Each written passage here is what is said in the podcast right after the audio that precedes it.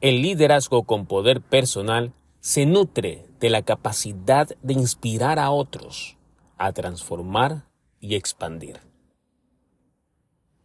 Hola, bienvenidos. Hoy miércoles 28 de febrero del 2024. Soy Freddy Guevara y este es tu podcast de liderazgo con poder personal. El líder con poder personal influye a los demás a través del ejemplo, la integridad y la empatía.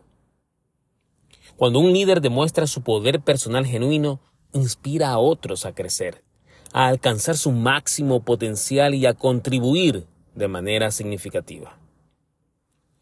Esta forma de liderazgo fomenta un ambiente de confianza, colaboración y crecimiento mutuo, lo que puede resultar en transformaciones individuales y organizaciones profundas y duraderas.